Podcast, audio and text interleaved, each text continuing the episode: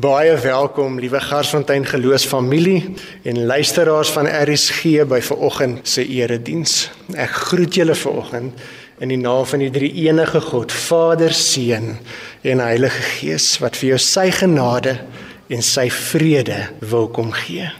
Kom ons loof en prys die Here se naam.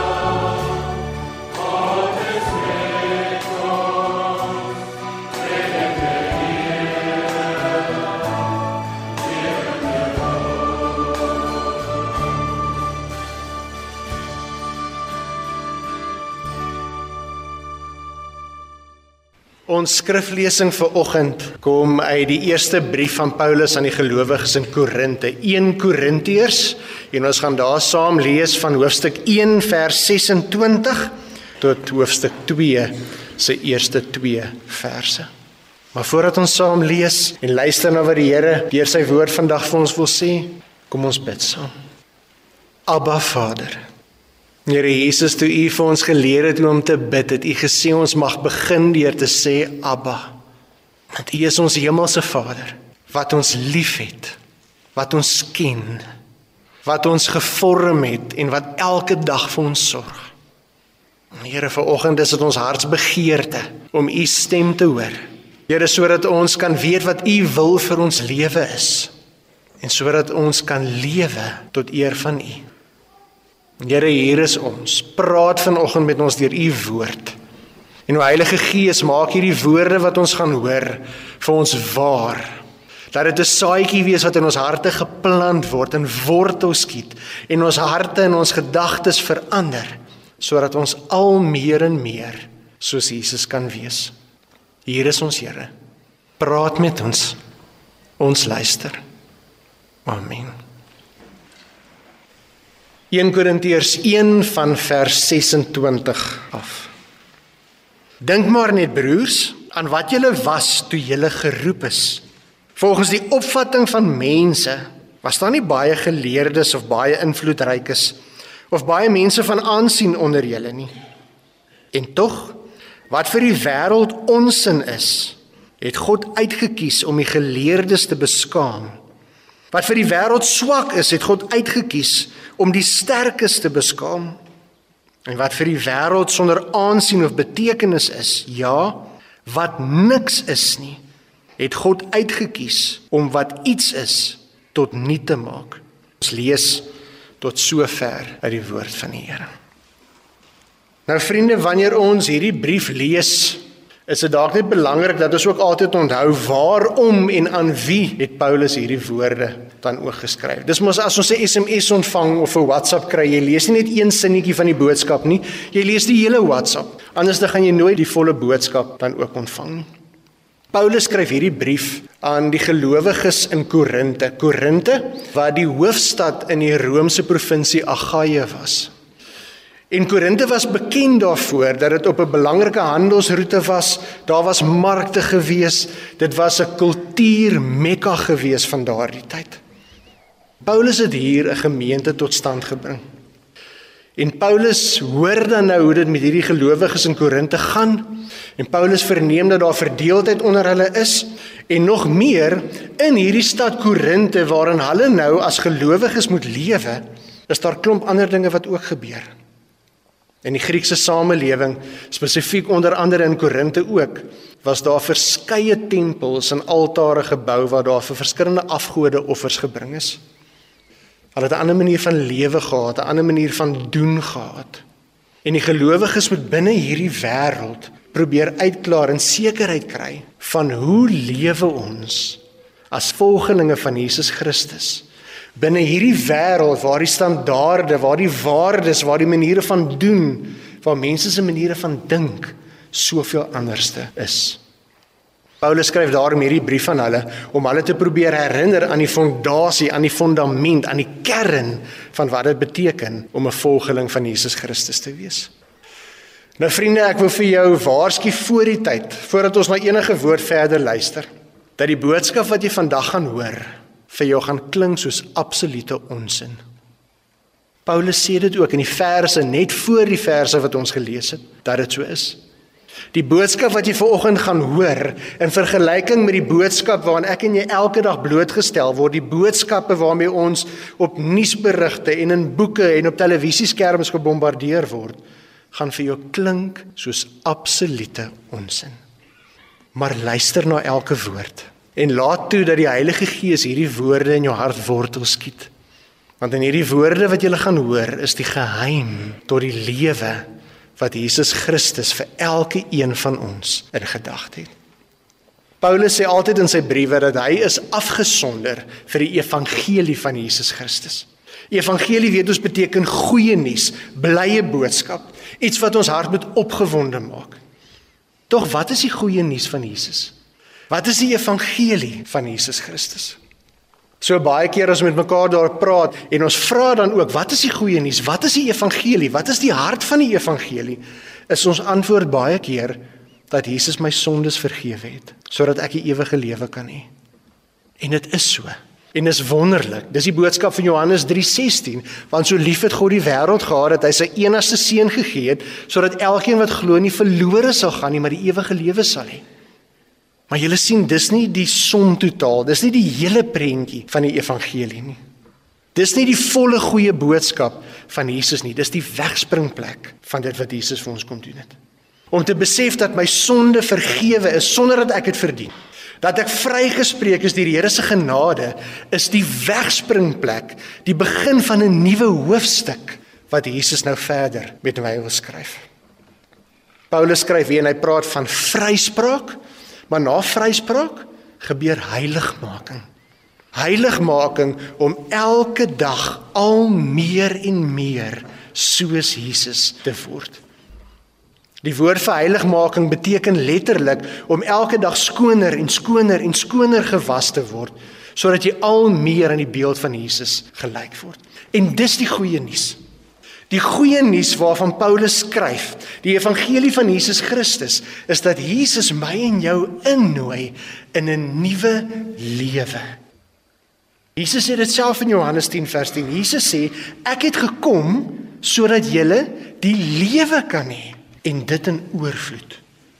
Maklik om te onthou. Johannes 10 vers 10. 10 maal 10 100%. Jesus wil vir ons 'n 100% 'n lewe in oorvloed vir my en jou kom gee. En dis die goeie nuus vir vanoggend. Die goeie nuus wat ons vandag hoor is dat die Here wil ook lewe aan my en jou gee.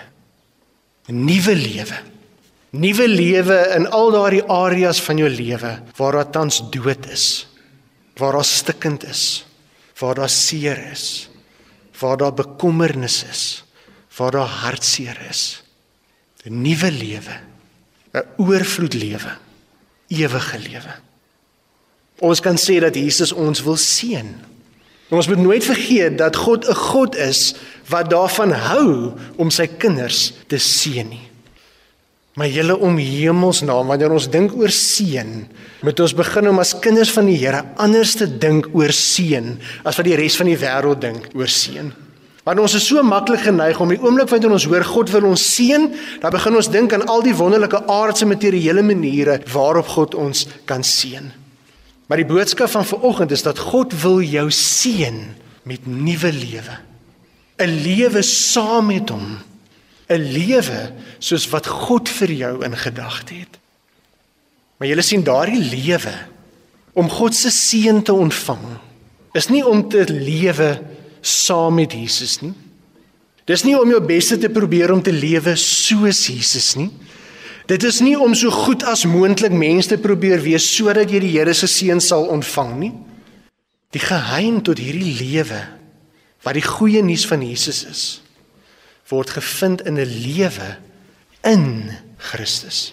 Luister mooi, nie net soos Christus nie, maar in Christus. Eindelik as jy mooi daaraan gedink, wanneer Jesus praat oor seën, dan praat Jesus nie van seën as iets wat ons gaan ontvang wanneer ons 'n sekere manier van lewe doen nie.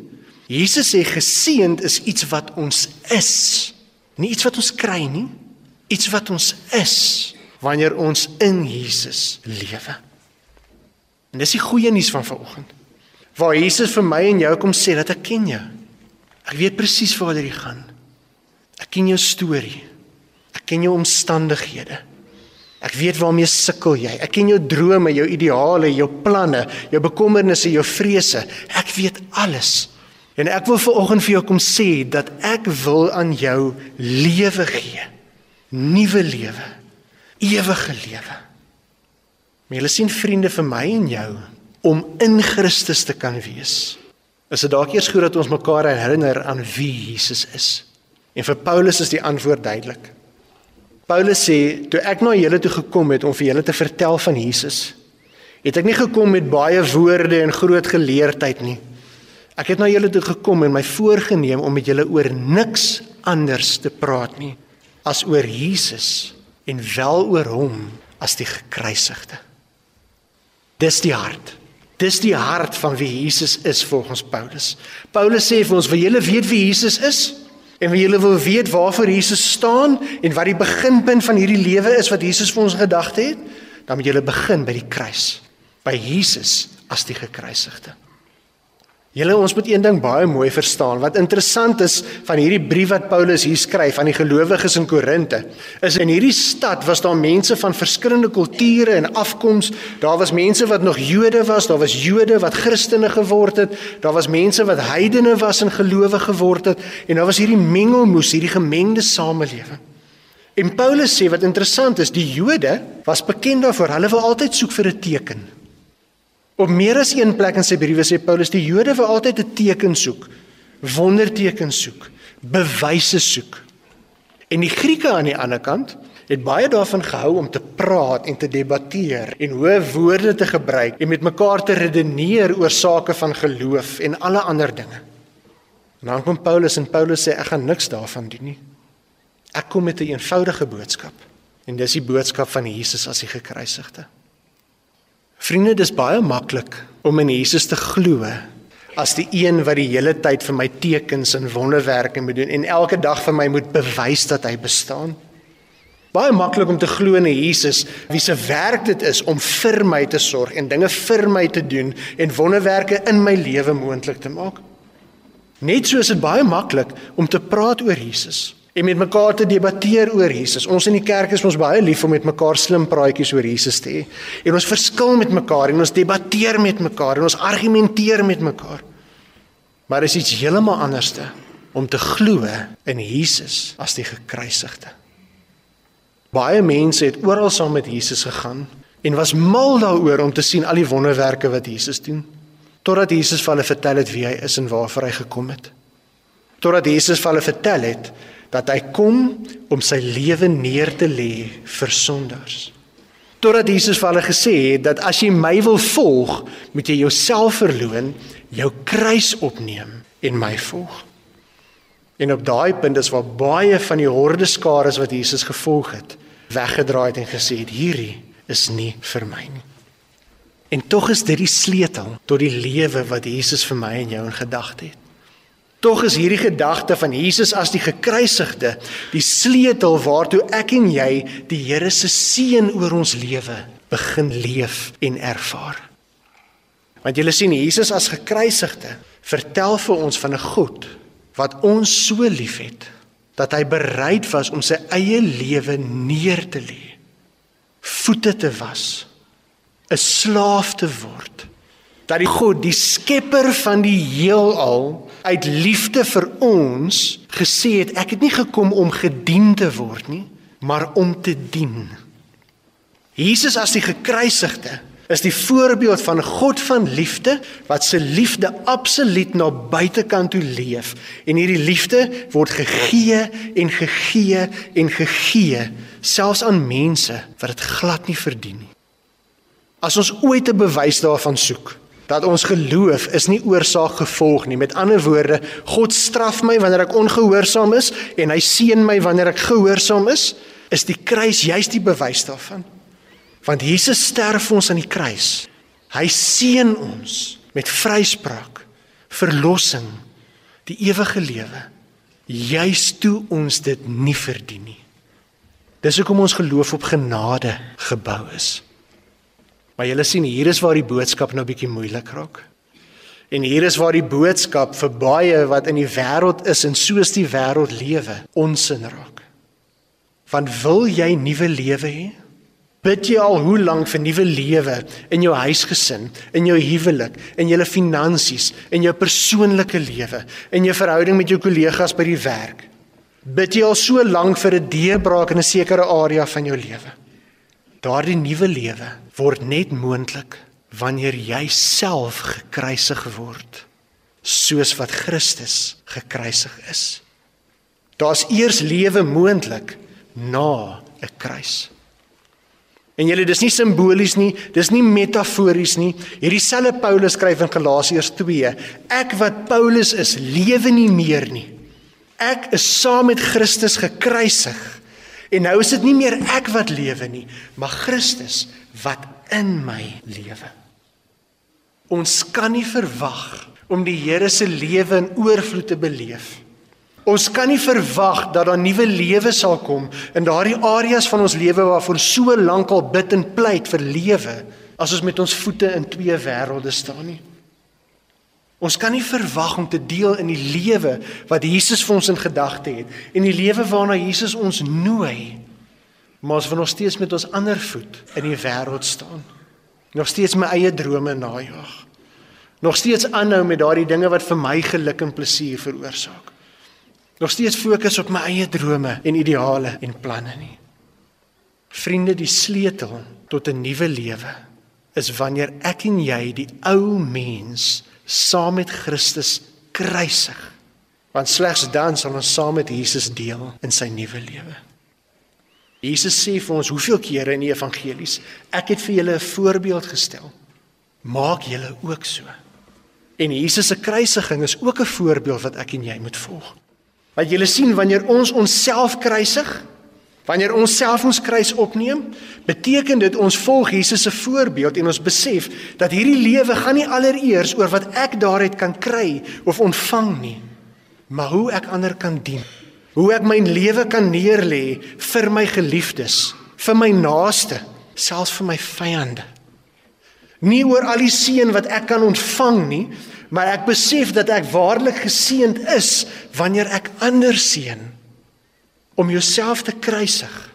Die sleutel tot hierdie lewe wat Jesus vir ons gedagte het, is om te sê dat as Jesus vir my die voorbeeld gestel het, wil ek ook soos Jesus minder word, ander dien, ander lief hê.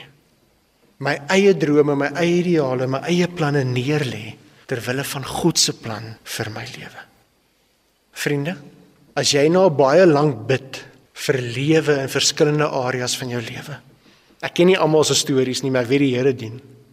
Dalk bid jy al vir baie lank dat in hierdie moeilike tye waarin ons lewe, dat dit met jou bietjie beter sal gaan finansiëel.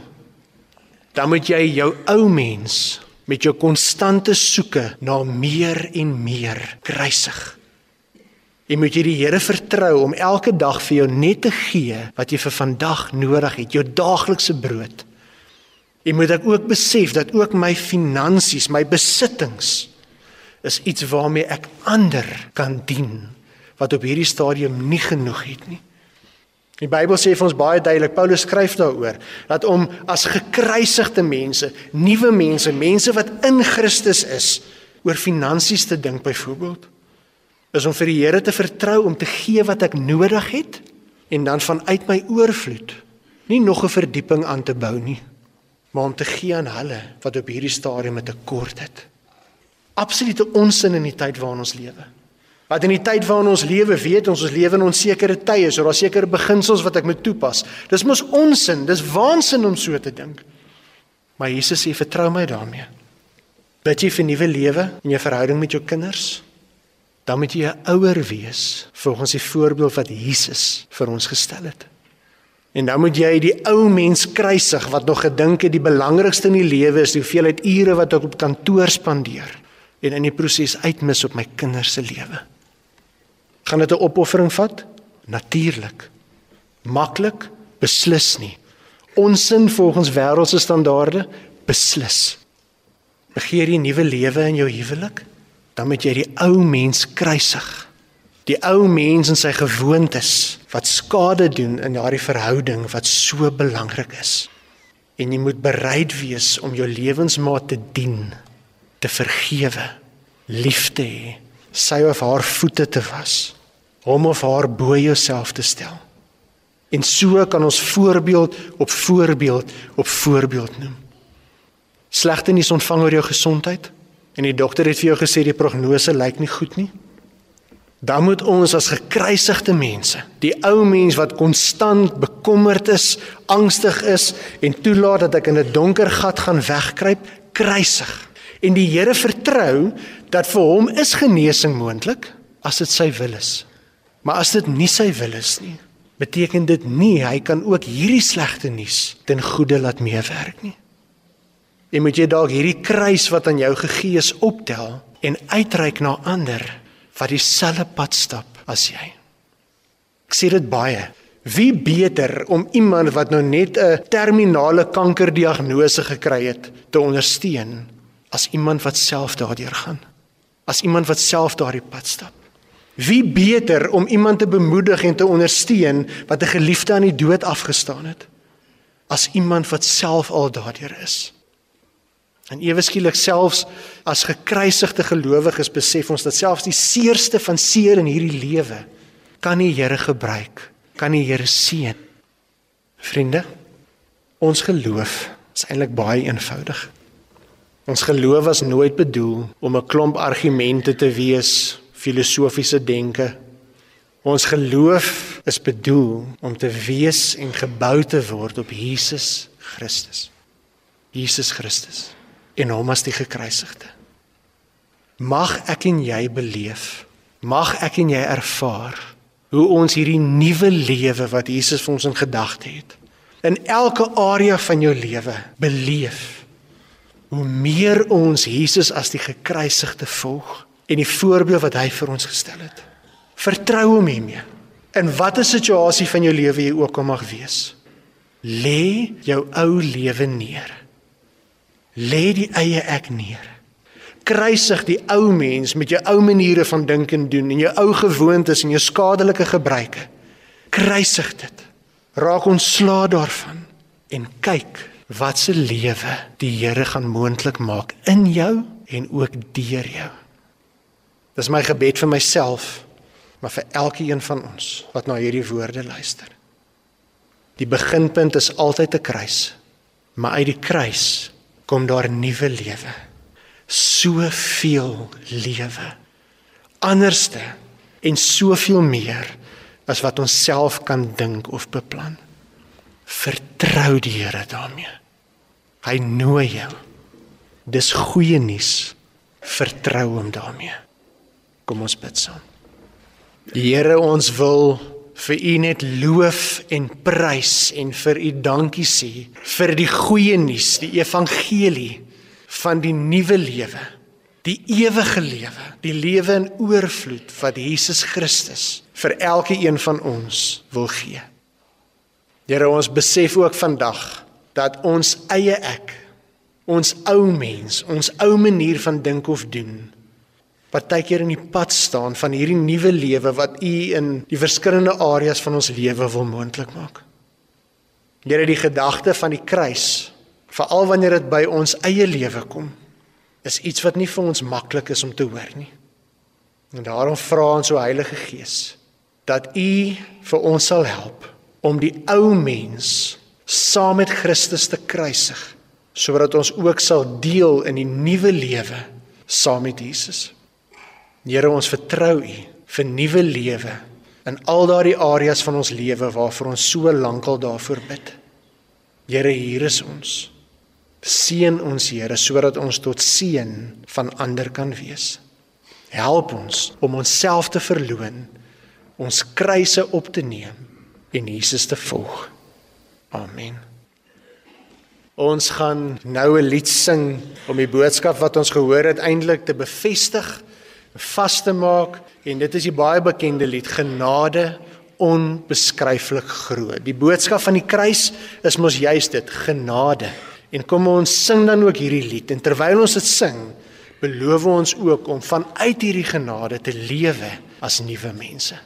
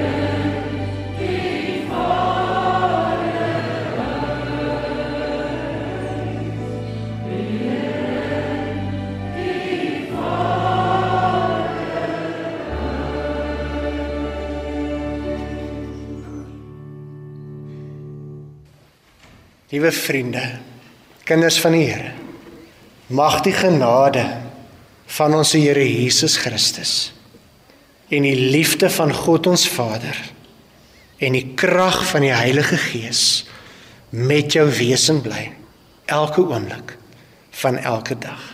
Die Here seën jou om tot seën van ander te gaan wees. Amen.